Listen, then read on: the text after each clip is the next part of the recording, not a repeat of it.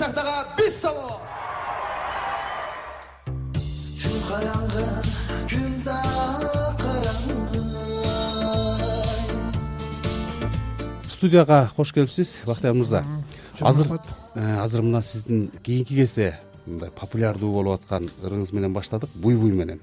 Анан ушунун тарыхы буй буй деген анан негизи бул эмне үчүн мындай кайрык менен ырдалат ошол жөнүндө бир түшүндүрүп кетсеңиз эми бул ыр баягындай э, кичине кайгылуураак ыр буй деген баягындай э, жүрөктөн чы- чыккан баягы кайгыдан чыккан э, сызгырылып чыккан эле бир үн десек болот да. Мисалы жыргап аткан болсоң ля ля ля десең анан кичине кай- кайгырып аткан болсоң ушундай буй деген ушундай звук чыгат.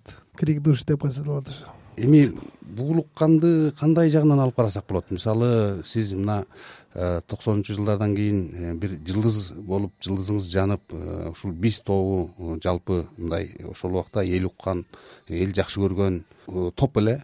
Анан кийинки кездерде мүмкүн буулукканыңыз ошол Не менен ыр менен чыгардыңызбы эмне эле булуп калдыңар дейсиңерби жок эми мындай булуккан эле жокмун. Ырдын эмеси ушундай буй буйдун мааниси ушундай а негизи ошол э, токсонунчу жылдардан баштап ошол бир эки жүзгө жакын чыгардык. Арасында э, эмелер да бар.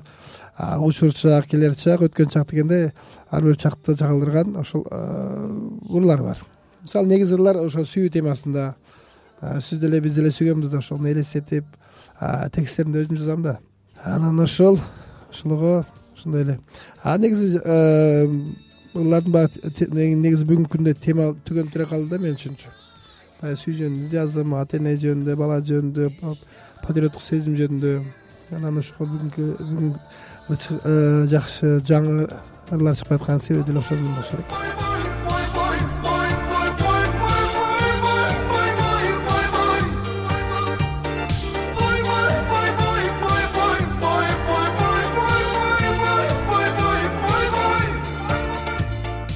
биз тобунун түзүлүп калыш тарыхына токтолуп кетсеңиз кантип э, эмнеден улам түзүлүп калды?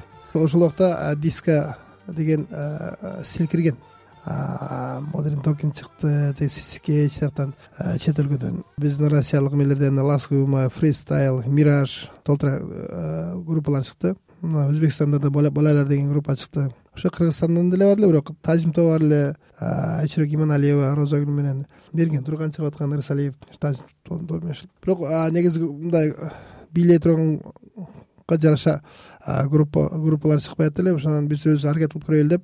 Биз тобунун жигиттери ошо насирдин алмаз алибек ушулар мурда сүлүктө шаарында ошондой бир вокальный инструментальный ансамбльде ойноп жүргөн экен. Анан булардын солисти аскерге кеткен экен ошого байланыштуу. Мен дагы баягы гитара менен ырдап э, өзүм ага чейин суворовскийде окуган мектепте деле ошол э, ансамбльдерге катышып жүргөнбүз. Ошо кызыгып. Анан ошол жерден топ түзө коюп анан гитара менен ырдачу ырларды ошондой ошол стилге салып анан концерт койгондо шемпеттин кыздары кол чаба берди анан союз тарап кетти анан ошентип биз ба- баардык инженерия окуган окуп аткан жигиттер политехте окуп жүргөн жигиттердин баары ошентип артист болуп калдык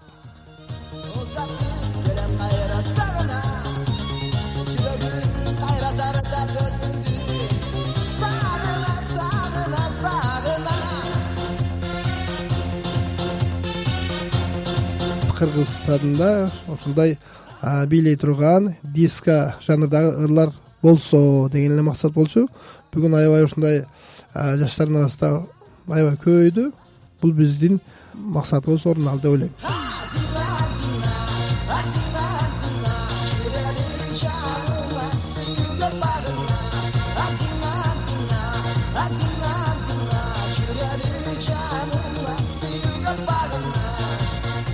эми ошол убакта мисалы сиздер э, мындай э, шаарда эле болгон жок окшойсуздар э мындай сыртка чыгып турдуңуздар э биз кыргызстандык баягы лелек деген ырдымда жазгам кыргызстанды кыркпы кырктан да көп бир жүздөн ашык айландык да кыргызстан кичинекей эле экен. Ушул эмени списокто карап турчу элек да токмокко качан бардык деп үч ай болуп турат менен барсак болот деп. Үч ай аралык болсо бара берчү мисалы россиянын ары бери болгондо анда чоң биздин территория аз эле да. Анан ошол үч ай өтмөйүн барбайт элек. Кичине бышсын деп дагы. Да. Кечке сагындырып.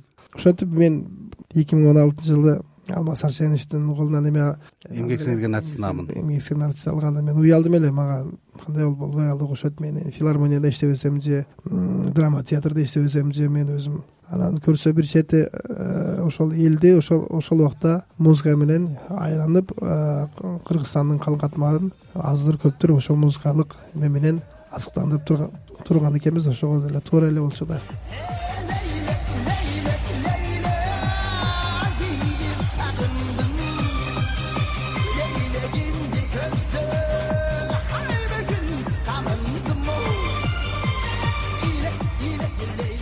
урматтуу радио угармандар сиздер азаттык радиосунун жан дүйнө радио берүүсүн угуп жатасыздар. Бүгүн биз студияга өткөн кылымдын токсонунчу жылдары популярдуу болуп турган биз тобунун солисти кыргыз республикасынын эмгек сиңирген артисти бактияр токторовду чакырганбыз. Ал эми кызматыңыздарда мен зайырбек ажыматовмун кыргыз калкымдын далайы тапты бактияр мырза ошол топтун жигиттери э, азыр э, кайсы тармактарда жүрүшөт? Ким эмне иш менен алектенип атат? Эми топтун жигиттери э, баардыгы негизи ушул музыка менен алек болгон болуп атат анан аны башка жумуштар менен деле алектенип жүрүшөт. Эми мурда группа менен чогуу концерт койгон болсок азыр бүгүнкү күндө силердикидей компьютерлер бар? Жалгыз эле жалгыздап деле койсо болот. Бүгүнкү күндө группанын сахнага чыгышы бүгүнкү күндө мындай анча деле эме болбой атат да актуалдык жоготту окшойт деп койдум да. Эл эл аны күткөн жок. Балким группа болуп чыкса жакшы болот эле деп ушундай э, суусап калса же ошону күтүп атса ошондой кылса болот. Бүгүнкү күндө кереги деле жок да. Башка жумуш болгондо азыр сиз эмне менен алектенесиз? Менин башка жумуштар менен алектенем. Айтканга ишкерликпи? Ишкерлик нары бери кичине. Той топурларга да барасыз да э? Той топурларга барабыз кудайга шүгүр артисттердин баарын той топурлары багып атат багып атат десек болот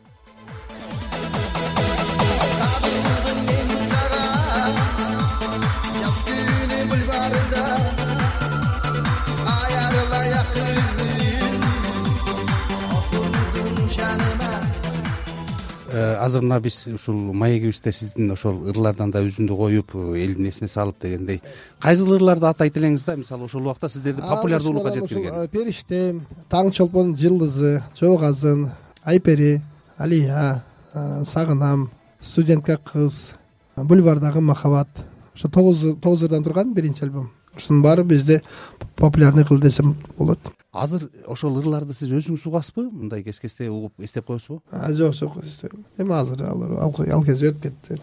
Кээ бирлери болсо күчтүү фанаттар болсо кумирлер эмелер болсо анан эметип калат бул менде бул баарларыңыз бар ушундай эмелер кызыккандар бар да. Ошол кездерди сагынасызбы мына мисалы популярдуу болуп турган жылдыз болуп турган жок мезгилде сагынбайм ал убагында өтүп кетти. Бүгүнкү күндө эле сонун ар бир жаштын өзүнүн эмеси бар. Таттуу жерлери бар ошону татып ооз тийип жүрө бериш керек ошол бүгүн сизге эмнелер мындай таттуу эмнелерден ооз тийип жүрөсүз бүгүн эми мына эми балдар чоңойду кудай буюрса небере болоюн деп атабыз мисалы. Ошолор таттуу болуш керек. Анан балдардын чоңойгону баскан турганы сүйлөгөнү ошолор таттуу эми азыр э, баягындай биз кичине эметтик да эми муну да токтолдуңуздар токтолдук десек болот. Мисалы айлап мурда айлап жылдап болбосо да айлап эки айлап үч айлап гастролдо жүрсөк азыр мен бир жактарга москвага же ошко же бир жактарга барып калсам эки үч күндө уже чыдабай кетем да. Үйгө кетким келбейт канча балаңыз бар? Беш бала. Төрт кыз. бир уул уулдар э? Эмне менен алектенишет алар? Сизди туурап ырдап чыккандар болуп атабы жок пока окуп атышат ушул университетте бирөө чуйковто окуйт бир кызым. Сүрөтчү экен да? Э, келинчегим деле чыгармачылык э, ушундай бир эмеси бар. Э, жазып сүрөт тартып. Ушул уулум анча мынча калат ошону ошолорду айтып болуш керек деп жүрөм. Кийинки муундагы э, ырчылар жөнүндө кандай ойдосуз? Азыр угуп жүрөсүз? Аябай жакшы кийинки э, бул эме да мисалы кээ бир артисттер айтышы мүмкүн могул могул ырчы жакат могул ырчы жакпайт деп ырдап аткан кишинин баары эле жакшы. Себеби анын жан дүйнөсү бар таза. Ошондуктан кээ бирлери эми баягындай кичине бирдемеге жетпей калышы мүмкүн үнү жетпей калышы мүмкүн же да ырдап атканда эмоцияга эмоциясы жетпей калышы мүмкүн. Бирок бул барып барып адамдын өзүнөн же баягы бала өсөт же баягы бала ошол музыка тармагына кетет музыка дүйнөсү башка башка дүйнөлөр деле башка тармактар деле аябай жестокий аябай ташбор ташбор эме да линия деп тармак деп койсок болот. Бул ырчы болуп чыгып анан ырчы болуп жүрүш өтө бул биздин эмеде аябай. Кыйын мисалы сиздерди балким келинчектер билбей калышы мүмкүн биз каякта жүргөнүбүздү полный билет да. Кантип келинчегиң келчи ким менен жүрдүң ким менен сүйлөштүң ким менен сүрөткө түштүң биз элибизда анан анан биздин аялдарга могу артисттердин аялдарына эле рахмат айтып коеюн анан чыдам сабырдуу болгула дагы эле дагы да. Анан артисттердин көп үйлөнгөн деле ошондон. Көп ажырашып үйлөнгөндөнбү көп ажырашып үйлөнгөндөр кызганычтан улам. Кызганычтан да. Карып калсаң деле кызгана берет азыр да кызганат да азыр сизди деле кызганат. Азыр андан эки эсе кызганат төрт эсе кызганат ушинтип ушунта турган бияктан кол чабып атса деп атса бияктан кызганып жиркип атса анан ажырашасың да. Айтамбы бул ырчы болуп анан еще семейный болуп жашаш өтө кыйын. Эми азыр мисалы эстрада топтордун баягы биз сыяктуу досун мүсөн сыяктуу бир жаралып байкалбайт да ушундай бир ал эмне заман аны талап кылбай калдыбы заманга андай талап кереги жок. Айтам го бир эле киши азыр моу компьютерден барабан сырбандан жазып чыгып чыгып кете берет. Анан тойго барганда деле же бир жака барганда деле төртөөңө жол кире деле кымбат гостиница деле кымбат. Төртөөңө ар бирине гонорар бериш да кымбат. Ошого бир эле киши болуп чыкканга бүгүнкү күндө актуалдуу ушундай ошондон ушундан досу мүсөн акелерибиз абаларыбыз живой ойночу эле. Биз дагы живой ойноп калдык. Э, жарымга чейин анан кийин уже компьютерге өтүп кетти. Ошо бүгүнкү күндө зарылчылыгы жок группанын үчүн. Инструмент кармап андайдан мисалы чоро тобу чыкты. Алар эми чоро кожомжаровдун эмесин ырларын эме кылып анан ушундай проект боюнча. Негизи бүгүнкү күндө актуалдуулугу азыраак